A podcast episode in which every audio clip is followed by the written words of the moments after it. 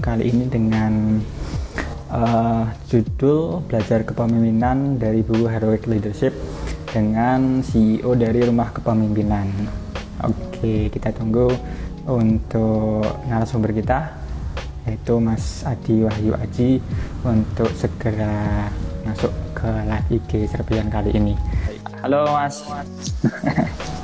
Oke, okay, jadi ini bisa kami pang kami panggil Mas Adi atau Mas Aji? Mas Aji. Aji aja. Mas Aji. Oh iya. Oke. Uh, sehat-sehat Mas. Sehat-sehat Mas. Alhamdulillah sehat. Gimana Mas saya? Gila. Ini sekarang uh, lagi di mana Mas? Di mana Mas? Di kota mana mungkin? Mana mungkin? Di di kantor masih di Jakarta. Oh. Asli sana mas, asli sana mas. Ya, enggak sih. Kantornya aja di sini. Oh, kalau perlu, jadi mungkin uh, lebih ke Eh, ngobrol-ngobrol uh, dikit dulu ya Mas. Jadi mungkin dari teman-teman follower Serpian juga. juga. Oke, okay, uh, eh, jadi mungkin bisa diceritakan sekilas Mas. Jadi Mas uh, Aji ini udah berapa lama di rumah kepemimpinan Mas? Soalnya saya sendiri itu udah cukup lama dengar kata rumah kepemimpinan dan kan banyak juga mengadakan beasiswa khususnya untuk mahasiswa gitu.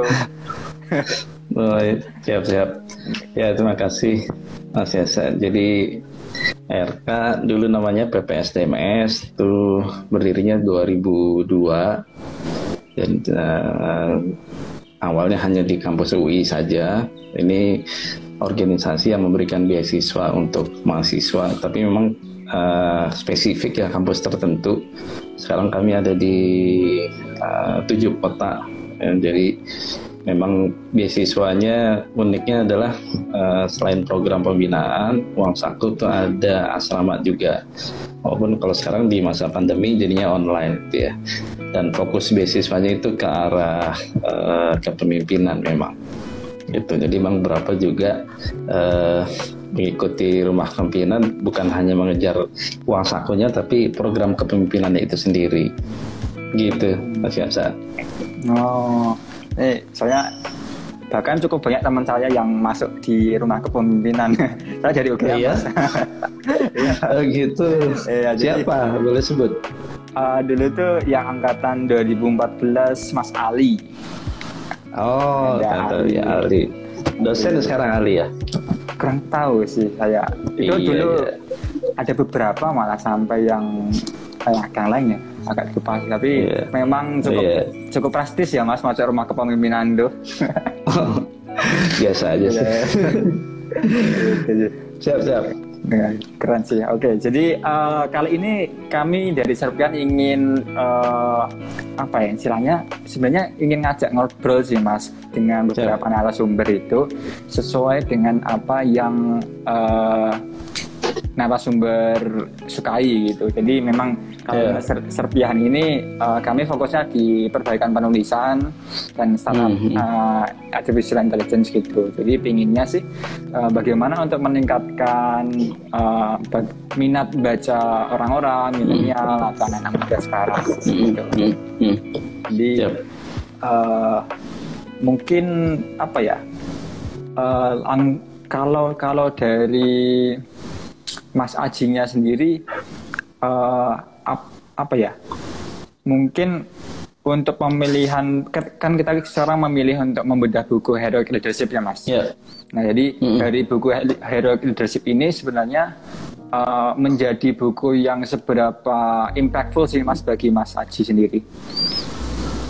Ya buku ini saya rasa agak jarang ya dibahas dan diangkat saya sendiri tahunya itu ya setelah saya masuk rumah kemimpinan uh, salah satu founding father kita kami itu Pak Musoli itu menjelaskan ada buku namanya Heroic Leadership ini gitu. dan uh, ketika saya baca memang isinya sangat bagus sekali dia memang mengangkat kisahnya kisah Yesuit ya. Hmm. Uh, itu kan salah satu ordo di Katolik ya.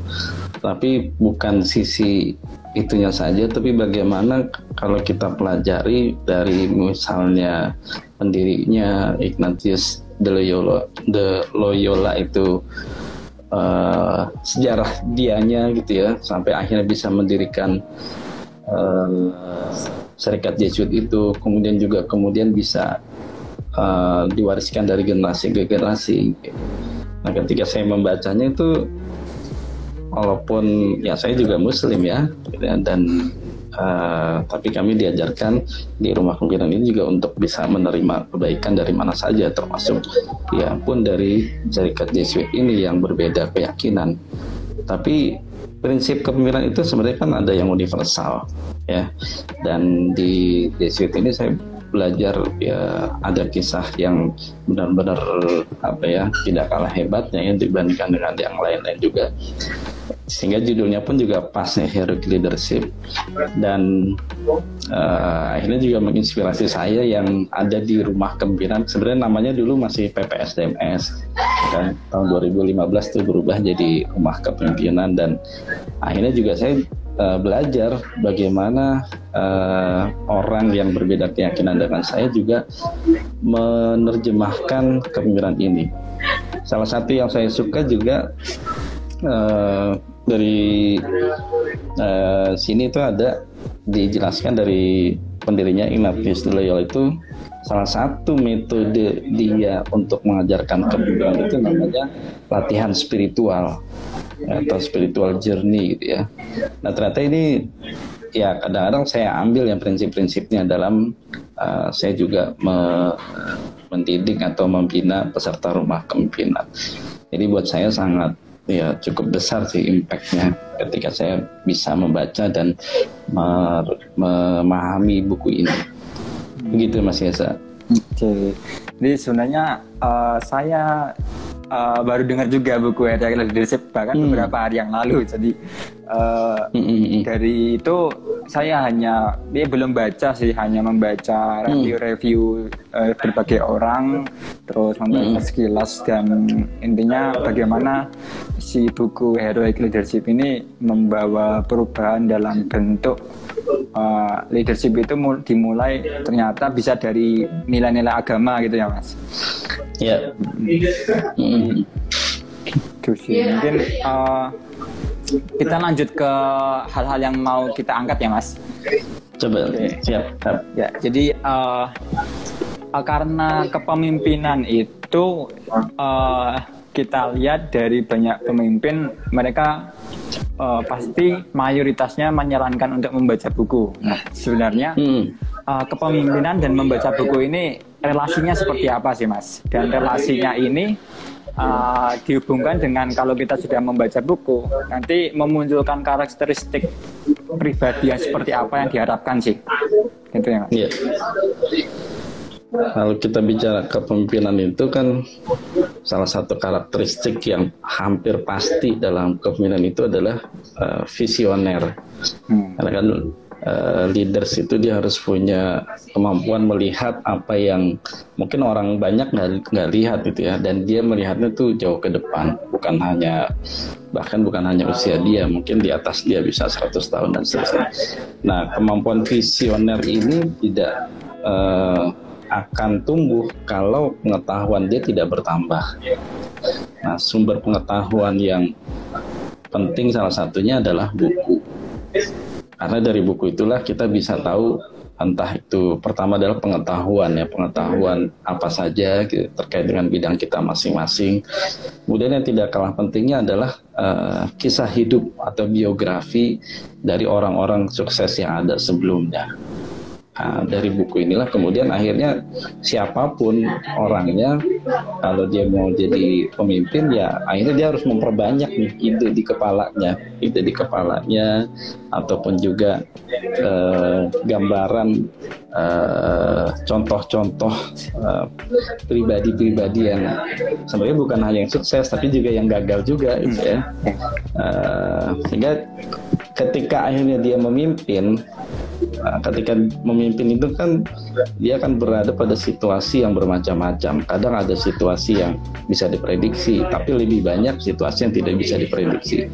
Tetapi kalau dia sudah siap dengan berbagai macam informasi, ide dan gagasan ada di kepalanya, itu dia ibarat kayak orang apa bertarung gitu ya. Dia udah siap senjatanya semuanya gitu. Akhirnya uh, di situlah ada korelasi antara kepemimpinan dengan membaca buku. Karena kalau dia rajin baca buku gitu ya artinya dia senjata di kepalanya itu udah banyak gitu. Tinggal dia uh, mau ngeluarin apa uh, bagaimana gitu. Sehingga sangat dekat sekali kalau kata ya biasanya coach yang kita sering dengar kan uh, leaders is readers ya. Iya, uh, yang namanya pemimpin itu adalah pembaca ya.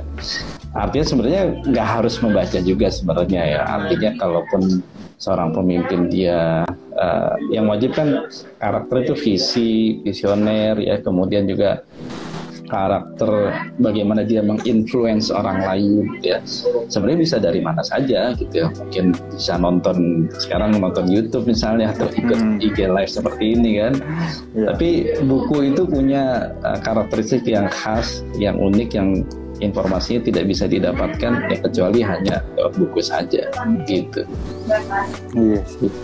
Tapi uh, dari membaca buku ini sebenarnya kalau masih saya rasakan ya mas. Uh, hmm. dari banyaknya pilihan buku dan sedangkan kita ada terbatasan keterbatasan waktu. Waktu. Uh, jadi jadi uh, untuk mengefektifkan waktu dan mengefisiensikan cara kita belajar nah itu menjadi sebuah hal yang terus dipelajari juga ya, betul, ya betul jadi, betul.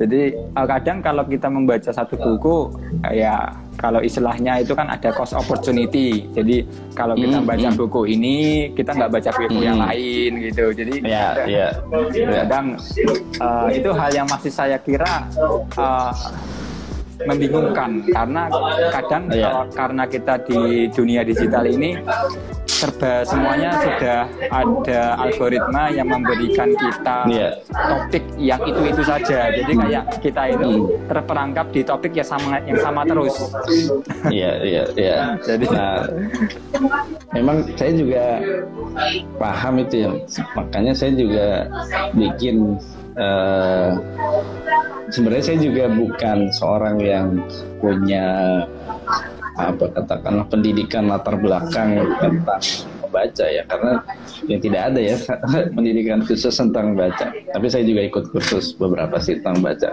intinya memang membaca itu sebuah skill ya yang mungkin tidak disadari oleh orang-orang. Artinya kalau skill itu kan ada ilmunya Hmm. Kadang orang tuh ya namanya baca ya tinggal baca aja gitu kan. Padahal ada ada ilmunya gitu. Hmm. Memang sayangnya tidak banyak orang yang menjelaskan ini.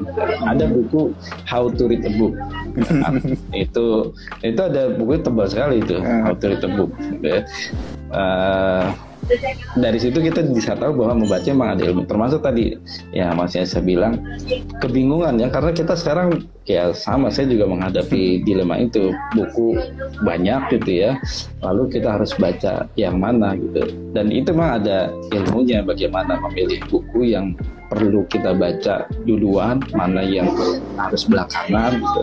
Termasuk juga bagaimana uh, membaca uh, cepat mana buku yang perlu dibaca cepat mana buku yang ya udah cuma uh, apa eh, buku yang justru dibaca lambat gitu. Itu juga ada teknik-tekniknya gitu ya. Uh, ya bukan promosi saya sebenarnya ada juga kelas baca tapi memang belum saya seriuskan gitu ya. Hmm. saya pernah saya buat gitu ya. Intinya bagaimana baca itu memang ada ilmunya. Dan nggak apa-apa kalau masih awam yang penting sadari itu dulu dan kemudian seperti apa ya kalau saya juga menggambarkan uh, setidaknya udah ada minat baca. Lalu kemudian uh, semangat baca itu seperti otot. Otot kalau kita berolahraga kan perlu dilatih gitu ya untuk bisa mengangkat beban yang berat gitu ya. Nggak bisa sekaligus 10 kilo 20 kilo pasti kan bertahap. Nah itu juga bisa dilakukan. Selain belajar tentang ilmunya ya udah dilatih aja dulu sedikit-sedikit untuk mulai membaca yang penting ada uh, semangatnya gitu ya. Jangan sampai juga akhirnya gara-gara belum tahu ilmunya jadi males baca akhirnya jadi fantalis gitu. Jadi meninggalkan sebuah peluang besar gitu. Ya oke. Hmm. hmm, ya menarik sih mas itu. Kadang bahkan ada yang mengajarkan cara uh, how to learn eh how to learn to learn. Jadi uh, jadi cara belajar yeah. belajar gitu ya Iya. Cara belajar. Cara belajar untuk belajar ada. Ya. ada. Iya, memang penting itu. Banyak sekali kadang kalau kita sudah membaca buku satu nanti oh ternyata kita ya kadang ya memang peribahasa apabila padi yang berisi itu terus men, ya menurun gitu ya menurun. Jadi yeah. uh, memang sangat terasa sekali ya Mas gitu. Hmm. Oke, kita lanjutkan ya Mas. Uh, yep terus uh, membicarakan heroic leadership bukunya ini mas jadi uh, hmm. beberapa hal yang saya tangkap dan memang dari beberapa review orang-orang yang sudah membacanya adalah uh, buku hmm. ini menceritakan membicarakan tentang self awareness self awareness terus innovativeness, terus love dan heroism. Nah, hmm. uh, empat poin ini, empat nilai ini sebenarnya masing masing-masing ini diartikan dalam bentuk kepemimpinan itu seperti apa sih mas? Apakah uh, semua empat-empatnya ini harus dimiliki oleh sebuah eh, seorang pemimpin hmm, atau hmm, bagaimana hmm. Me, me, mempelajarinya hmm. gitu? Ya, ya, ya. Jadi nah ini bukunya ya buat yang uh, pengen tahu ya. Ini saya bukan buku aslinya, buku terjemahan dari Gramedia. Dan memang di sini pun juga sudah disebutkan ya ada empat karakter utama uh, heroic leadership. Yang saya tangkap juga pembentuk uh, heroic leadership dan keempat karakter utama yang dituliskan di buku ini memang bukan ajaran uh, langsung dari uh, Ignatius de Loyola pendiri dari Yesus itu.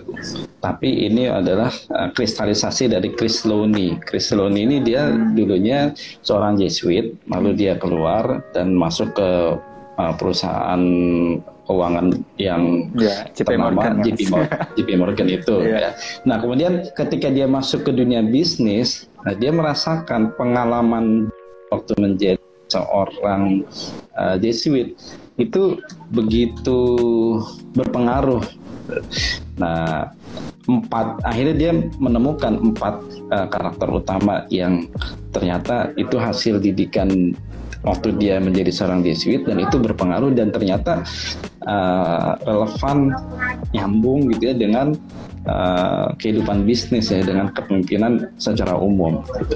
Nah yang pertama itu tentang kesadaran diri atau awareness ini udah uh, banyak yang mengangkat ya tentang pentingnya kesadaran diri. Uh, simpelnya uh, kita tahu tentang kekurangan kita dan juga kelebihan kita sehingga dari situ kemudian kita juga punya kesadaran kalau kita memang nggak bisa menulis ya jangan paksa diri kita menulis. Tapi pasti kita punya kelebihan yang lain mungkin uh, berpikir berbicara dan seterusnya gitu ya.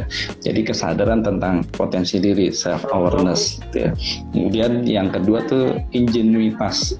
Saya menangkapnya kalau sekarang lebih ke arah inovasi ya. Kalau dicontohkan Yesus itu kan ordo uh, Katolik ya, pakaiannya itu udah khas ya, uh, hitam atau putih ya, khas lah gitu. Tapi ada salah satu inovasi uh, Jesuit waktu di India yang agama aslinya itu kan uh, Hindu Buddha gitu ya dengan pakaiannya Brahmana yang warnanya oranye.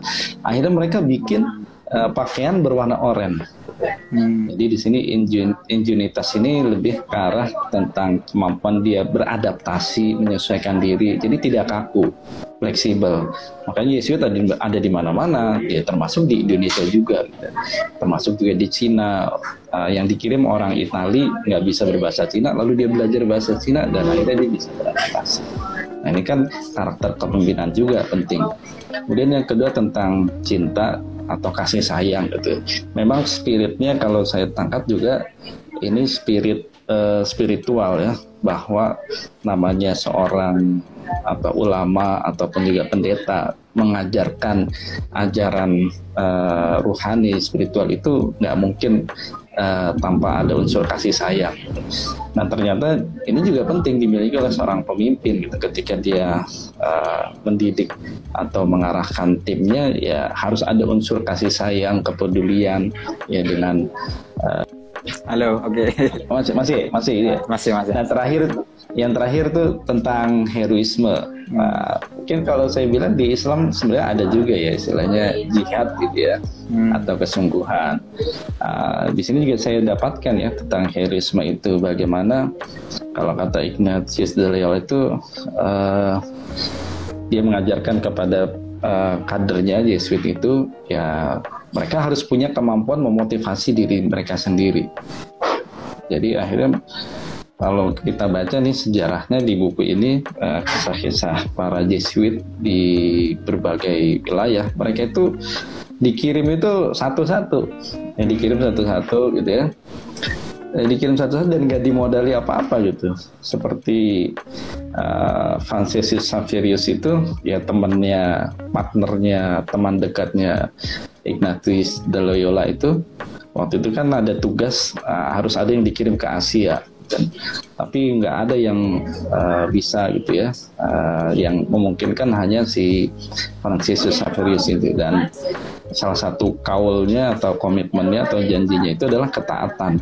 Ya udah ketika dia jadi ketaatan ini menarik dijelaskan di bukunya tuh satu contoh ya Francis Xaverius itu dengan heroismenya gitu ya, yang ditanamkan oleh si Ignatius de Loyola gitu dengan uh, dia uh, ditugaskan ya berangkat gitu ya dengan uh, penuh semangat gitu ya untuk menyebarkan ajaran Kristiani di Asia. Nah ini pasti kalau bukan apa ya kekuatan heroisme nggak mungkin berhasil lah gitu. Hmm. Jadi menurut saya uh, bagus sekali uh, Chris Loni penulis buku Hero Leadership ini dia bisa mengkristalisasi uh, spirit empat spirit tersebut yang kalau ada semuanya saya pikir uh, ini udah cukup banyak untuk siapa saja menjadi seorang pemimpin ya. Tentang tadi kesadaran diri kemudian ingenuitas kemudian cinta dan kasih sayang dan heroisme dan itu kalau di bukunya dijelaskan ini bukan teknik ya, bukan teknik artinya bukan skill uh, yang skill apa uh, sekedar comot-comot aja gitu, tapi sesuatu yang uh, embedded, sesuatu yang melekat dalam keseharian, ya. Punya self awareness, punya ingen, ingenuitas atau inovasi, beradaptasi, rasa kasih sayang dan juga uh, heroisme, hmm. gitu. Iya. Jadi uh, pada akhirnya sebenarnya yang saya akhir-akhir ini juga sempat sering terpikirkan adalah kadang untuk setiap nilai-nilai atau karakteristik itu orang-orang itu uh, setuju akan hal-hal yang baik dan perlu dimiliki. Cuman hmm. mereka nggak tahu bagaimana memulai uh, misal kasih sayang atau bagaimana memulai hmm. untuk inovasi. Jadi kadang hmm. uh, mereka bukan nggak bisa untuk seperti itu, cuma hmm. nggak tahu caranya gitu ya mas. Hmm. Ya, di buku ini juga dijelaskan sih contoh-contohnya agar kita bisa mengimplementasikan. Contoh tentang kesadaran diri itu ada satu bab itu namanya latihan rohani gitu ya atau spiritual journey ya. Nah ini kan kalau di Yesuit atau di Kristiani ada seperti itu.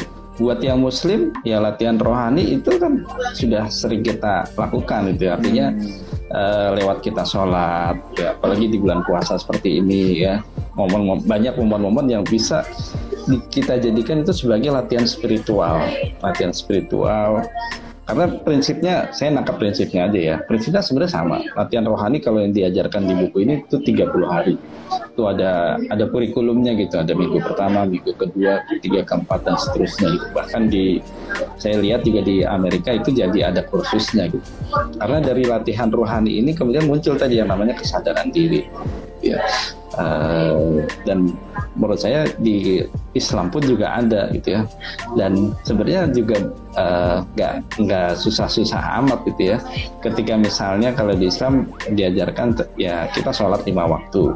Tapi bagaimana kualitas sholat kita itu apakah sholat kita sudah uh, memiliki tingkat apa sampai pada tingkat khusyuk misalnya tingkat spiritual yang tinggi ya, yang ya, ntar jangan misalnya lagi sholat malah inget yang lain gitu kan inget uh, ini uh, duitnya hilang terus jadi ingat gitu kan.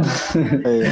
itu, itu gimana misalnya itu saya sering sering me, me, apa ya merelasikan dengan istilah mindfulness mas ya sekarang yang ngetren gitu ya mindfulness gitu. jadi kadang kita tuh hidupnya tuh di saat ini jangan sampai hidup tuh di masa depan betul. masa lalu gitu betul nah kalau di apa di heroic leadership ini mindfulnessnya dan juga dalam Islam juga diajarkan sebenarnya bukan hanya sekedar mindfulness kita merasa ada di sini kemudian ada uh, saat ini. Tapi juga kemudian connect dengan uh, pencipta kita gitu. Hmm. dengan kalau saya sebagai muslim dengan Allah kan. Kalau di di sini di heroic leadership itu ya dengan uh, keyakinan mereka dengan Yesus Kristus gitu ya.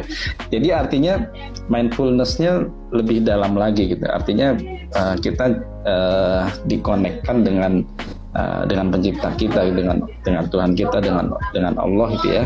Ya tadi seperti saya contohkan ketika dalam sholat ya kita bisa ya, ya saya juga sedang belajar ya. Tapi bagaimana ketika dalam sholat itu kita kita takbiratul ihram aja bisa kita Allah Akbar lalu kita merasakan ketika kita baca al-fatihah Bismillahirrahmanirrahim itu kita menghayati dengan menyebut nama Allah yang Maha Ar-Rahman Ar-Rahim gitu ya Nah itu kan eh, mindfulness tapi bagaimana biar lebih apa ya lebih lebih spiritual lagi gitu. Nah ini yang diajarkan juga di uh, ini apa di heroic leadership ini kekuatan spiritual uh, connect connectnya kita dengan uh, pencipta kita.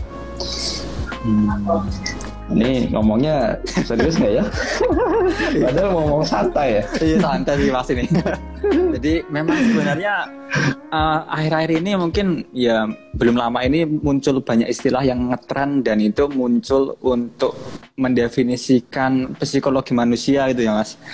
Iya iya iya. Ya. Bahkan paling beberapa tahun yang lalu belum terlalu sering seperti sekarang gitu. Iya nih saya juga ada insecure gitu kan. Iya. Oh, uh, ada istilah-istilah.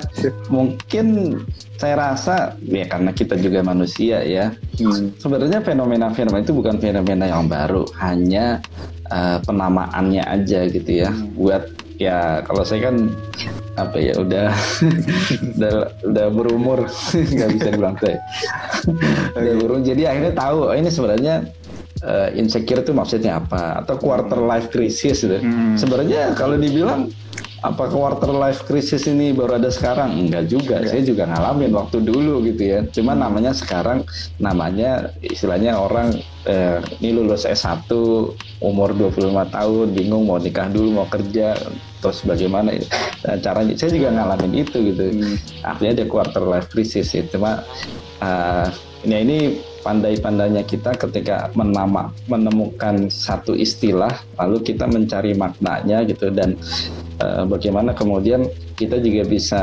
uh, mencari solusinya gitu dari eh, kisah-kisah orang lain yang juga punya pengalaman walaupun namanya nggak nggak sama gitu ya hmm. misalnya oh saya sekarang insecure apakah kemudian mencari solusi insecure itu hanya uh, pada contoh-contoh hari ini saja? Enggak. Di masa-masa dulu juga ada orang yang merasa insecure atau apa lagi itu ada istilah overthinking kan?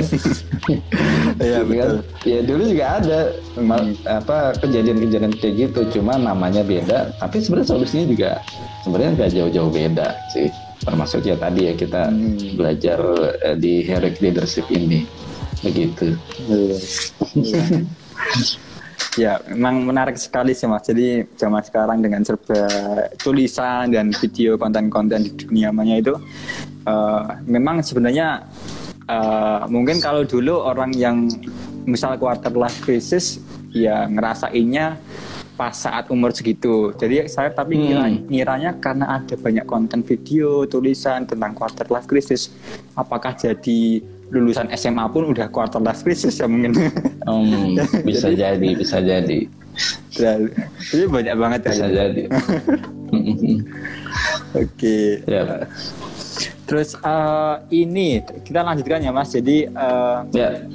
Jadi karena memang dari si siapa namanya tadi Crowley ya mas jadi uh, hmm. yang menulis buku Hero Leadership itu memang dari awal dari Yesuit terus masuk di dunia karir masuk sebagai bangkit di JP Morgan nah itu erat kaitannya dengan bisnis mas jadi uh, hmm. bagaimana sih leadership ini uh, berko apa ya jadi saling mendukung bisnis dan apakah bisnis eh, apakah leadership itu memang ditujukan untuk bisnis atau bagaimana pendapat mengenai pandangan yang oh kalau memang nggak uh, punya bisnis ya ya biasa aja nggak hmm. usah ngoyo yeah. belajar leadership itu.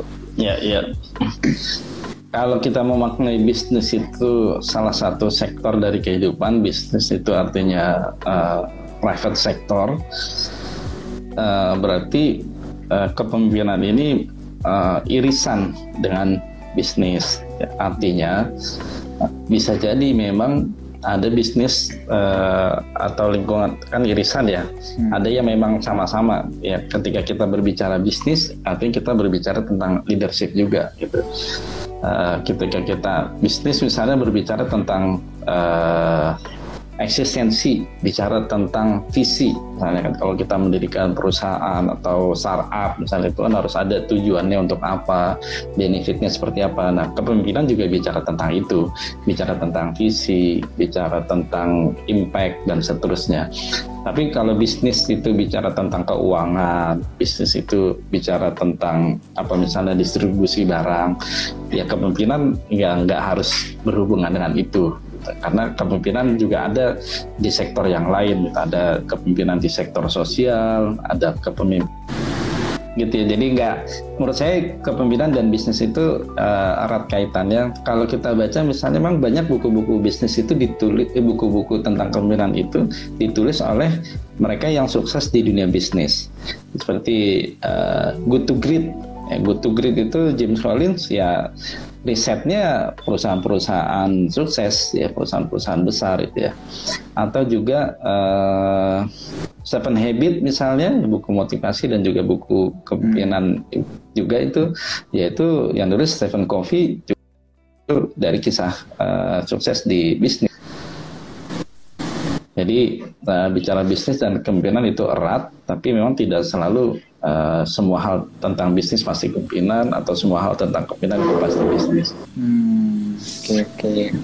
Nah, terus mungkin uh, sebelum kita masuk kalau ada yang mau bertanya, jadi uh, ada saran dan tips mas untuk generasi muda ini dalam membangkitkan leadershipnya dan juga sekaligus meningkatkan hobi membaca.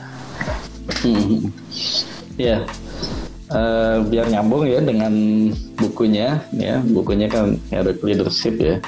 Uh, jadi kalau teman-teman di, di sini ada salah satu yang uh, bagus untuk teman-teman mengembangkan kepemimpinan itu dikatakan bahwa setiap orang adalah pemimpin dan setiap tempat di, bisa di setiap waktu dan tempat itu bisa dijadikan kesempatan untuk melatih kepemimpinan. Nah, dan itu yang diajarkan dari kisah De Loyola, pendiri dari Serikat Jesuit ini, dan juga kisah uh, Jesuit-Jesuit yang lainnya. Artinya, kalau kita uh, ingin menjadi seorang pemimpin, sebenarnya nggak jauh-jauh gitu. Harus mungkin kalau mahasiswa, apakah pemimpin itu ya hanya ketua BEM saja misalnya kan? Nggak juga gitu. Uh, kita sendiri dan ini juga ada di dalam Islam ya bahwa setiap kita adalah pemimpin ya. Kulukum ra'in wa kullu mas'ulun an ra'iyatihi. Setiap kamu adalah pemimpin dan setiap pemimpin akan dimintai pertanggungjawabannya.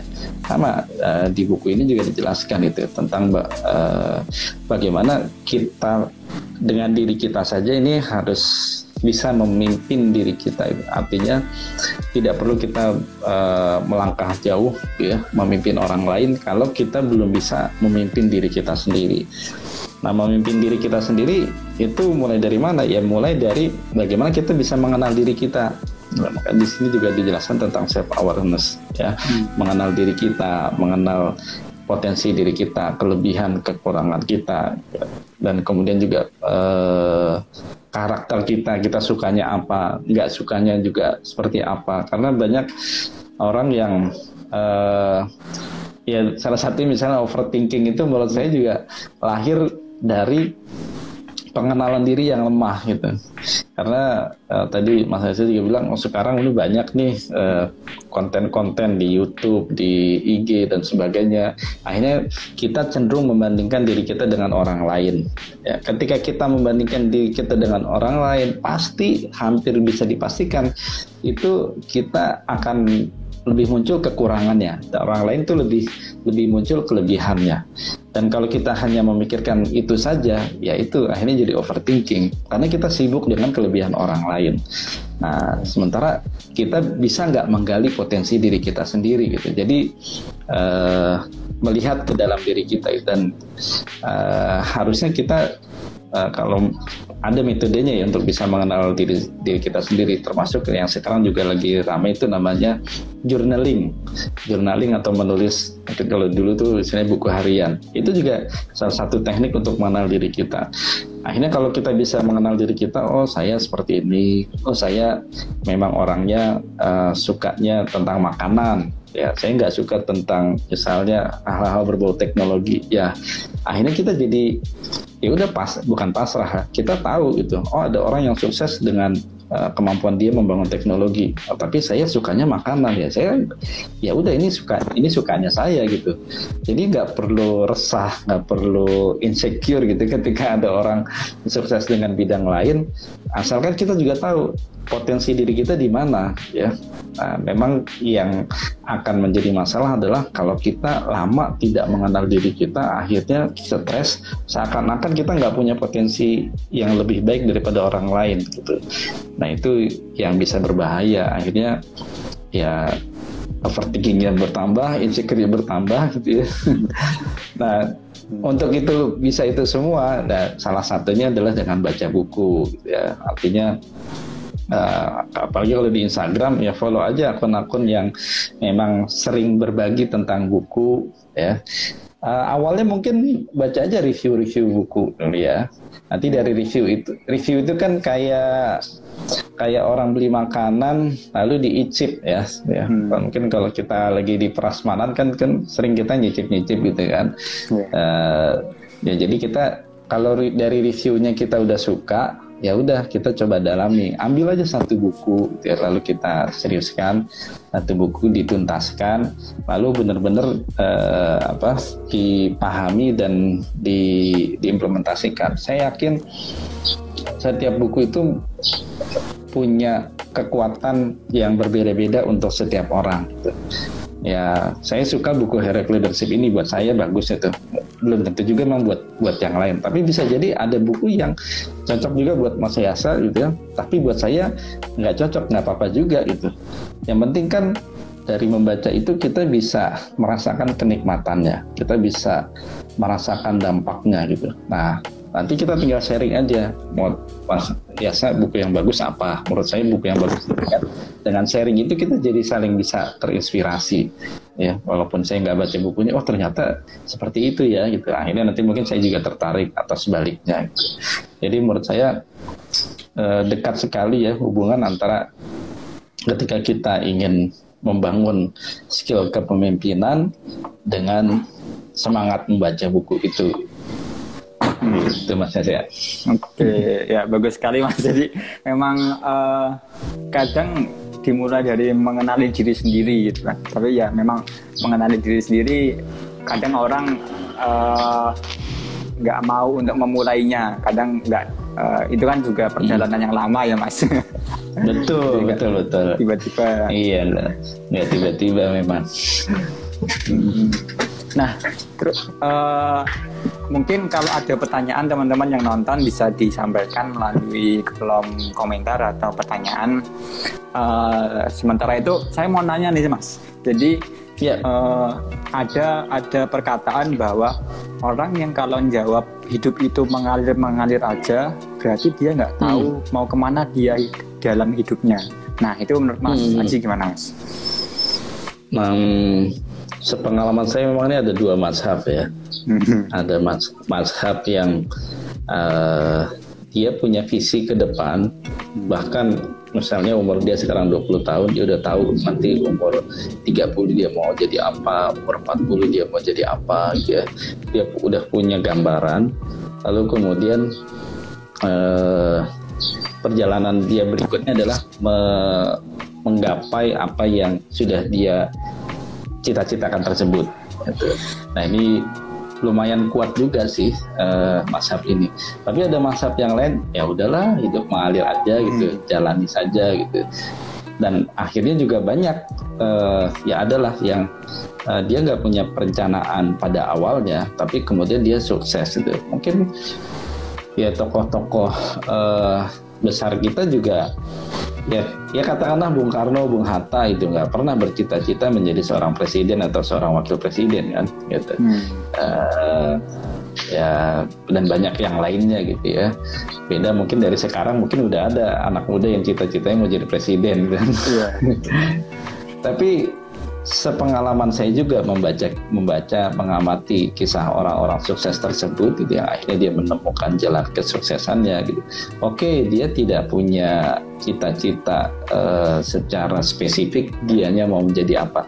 Tapi biasanya dia didorong oleh uh, keinginan atau harapan tertentu yang ingin dia wujudkan dan biasanya juga itu berhubungan dengan uh, kontribusi dia kepada orang lain. Jadi mungkin dia tidak punya kayak Bung Karno, ya nggak nggak punya cita-cita menjadi presiden, tapi Bung Karno itu sangat uh, berharap bahwa uh, Indonesia ini bisa merdeka. Gitu.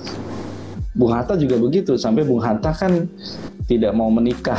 Harapan dan keinginan itu akhirnya menuntun dia untuk melakukan hal-hal yang terbaik dalam hidupnya dan ini dalam skala kecil sebenarnya bisa juga dipakai ya. Artinya kadang-kadang oh, mungkin orang nggak punya cita-cita dia mau jadi apa uh, dan seterusnya. Tapi mungkin dia bercita-cita misalnya ya ingin menghajikan orang tua misalnya kan ingin memberikan orang tuanya rumah ingin adik-adiknya sukses misalnya kan.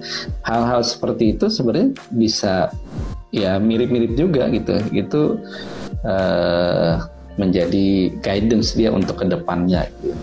Jadi kalaupun ada yang mengatakan uh, hidup mengalir saja, ya mudah-mudahan dia bukannya uh, sekedar mengalir, tapi sebenarnya punya tetap punya harapan ya. Katakanlah pasti kalau dia seorang mahasiswa yang ngomong begitu dia pasti pengen bisa lulus kan?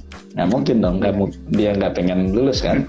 Nah jadi artinya boleh aja uh, mengatakan seperti itu, tapi uh, milikilah tetap harapan-harapan entah itu jangka panjang ataupun jangka pendek agar kemudian ya tidak sepenuhnya mengalir akhirnya apa ya kalau kata orang juga ya hidup boleh mengalir gitu. Uh, tapi iya kalau ngalirnya ke tempat yang bersih gitu. Kalau ngalirnya ke tempat yang kotor, gimana? Masa kita mau juga kan? Enggak.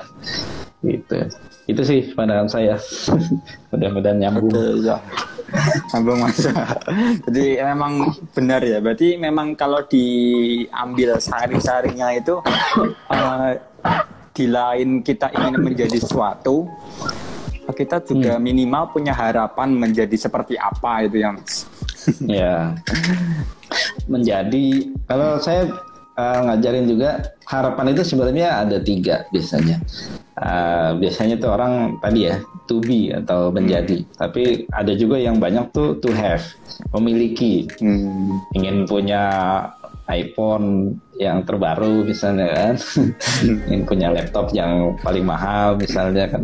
Uh, atau juga uh, yang ketiga to do melakukan. Hmm. ya tadi ingin melakukan apa sedekah ingin melakukan penulis buku ingin melakukan perjalanan ke tempat yang indah dan seterusnya. Jadi ya tadi bisa to be to have ataupun to do Ya, itu harapan-harapan kayak gitu yang bisa membimbing kita supaya ya kalaupun kita pengen hidup ya mengalir mengalir aja, tapi ya alirannya itu ada apa istilahnya ada arahnya gitu ya, nggak nggak lepas lepas aja. Karena kalau buat saya ya apa ya hidup terlalu mahal kalau disia-siakan cuma mengalir saja. Wah super sekali, ya. setuju mas. ya oke okay. uh, ini berhubung nggak ada pertanyaan jadi uh, coba kita kasih uh, kesempatan terakhir buat teman-teman yang lagi nonton kalau ada yang mau bertanya uh, silakan sebelum kita mengakhiri dari sesi IG kali ini uh, silakan kalau ada yang mau bertanya jadi kantor serpihan itu di Jogja ya iya mas di Jogja Hmm. Emang saya juga ya baru ngeliat-liat aja gitu ya. Apa Mas ada hubungannya sama Mas Ivan Uda Ivan Tanit? Iya, dulu live video pertama sama beliau. oh, iya iya iya. iya. iya. Dan jadi emang ini ya lebih ke arah apa tentang uh, literasi juga ya tentang yeah. bagaimana uh, cara menulis atau cara uh, apa kan kalau saya lihat juga ini ya ada ini ya jasa komersil juga ya untuk yeah. uh, terjemah atau yang lainnya gitu ya hmm. menarik menarik jadi kalau kami sih sekarang lagi mengembangkan semacam uh, paling simpelnya uh, kayak Grammarly gitu mas untuk bahasa Indonesia hmm. dan bahasa Inggris. Oh Grammarly, ya. Grammarly. ya, saya saya pakai saya pakai juga. Oh, pakai juga. Grammarly versi versi bahasa Indonesia gitu ya. Iya betul. Jadi ya itu harapan kami. Itu. Terus ya udah kita yeah, sekalian yeah, yeah. menawarkan edukasi, terus menyediakan jasa yang itu sih. Hmm. Oke, okay, sebenarnya uh, sepertinya nggak ada yang bertanya, Mas. Jadi kita akhiri saja. Terima kasih, Mas okay. Aji. Sama-sama. Okay. Uh, semoga selamat berbuka puasa ya, Mas. Yap. Oke, okay. ya. Sama-sama juga. Mas. Ya, ya sama-sama.